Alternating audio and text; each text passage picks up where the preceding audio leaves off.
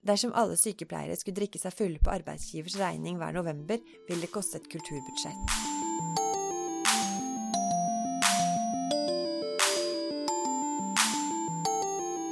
Hei, og velkommen til Sykepleiens podkast.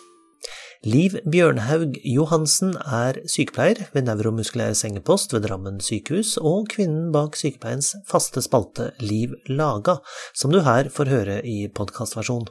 Denne utgaven har tittelen Vi kineserne. Et fenomen som ble tydelig for meg etter at jeg ble sykepleier, er at goder som andre tar for gitt, forventer sykepleiere på ingen måte at skal tilfalle dem. Husk å betale julebordet, sto det med store bokstaver på vaktrommet min 1. november som sykepleier. Betale julebord? For alle andre er julebordet arbeidsgivers måte å berømme de ansatte for et års hardt arbeid. Ikke sykepleiere. De arrangerer faktisk det hele selv, og delfinansierer det med flaskepant samlet fra pasientsøppel et helt år. Å skifte til arbeidstøy, det er noe sykepleiere syns er en fritidsaktivitet. På andre uniformerte arbeidsplasser stempler man inn, drikker en kopp kaffe, klør seg litt i skrittet, og så skifter man og begynner å jobbe. Vi derimot har lært oss å skifte fortere enn Supermann for å sitte hvitkledd på plass til rapport ved arbeidstidens begynnelse. Min mann, som er sykehusklovn, får jevnlig tilbud om samtale med psykolog for å bearbeide tøffe møter med syke barn.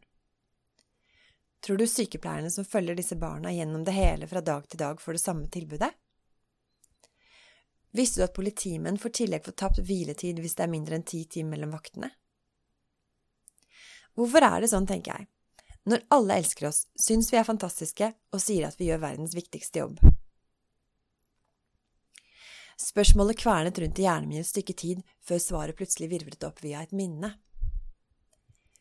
Jeg sitter på kanten av sandkassa med en kinesisk nabo.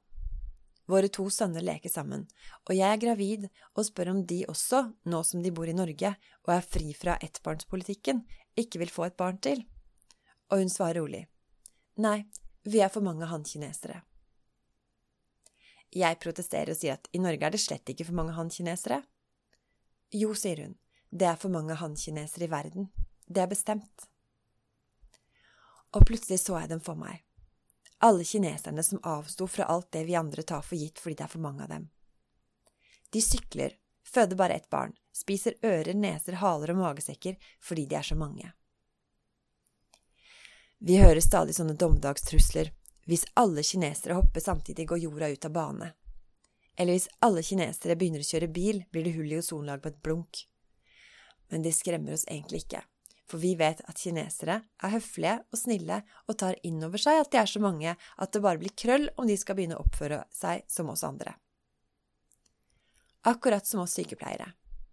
Vi er mange, men heldigvis veldig snille.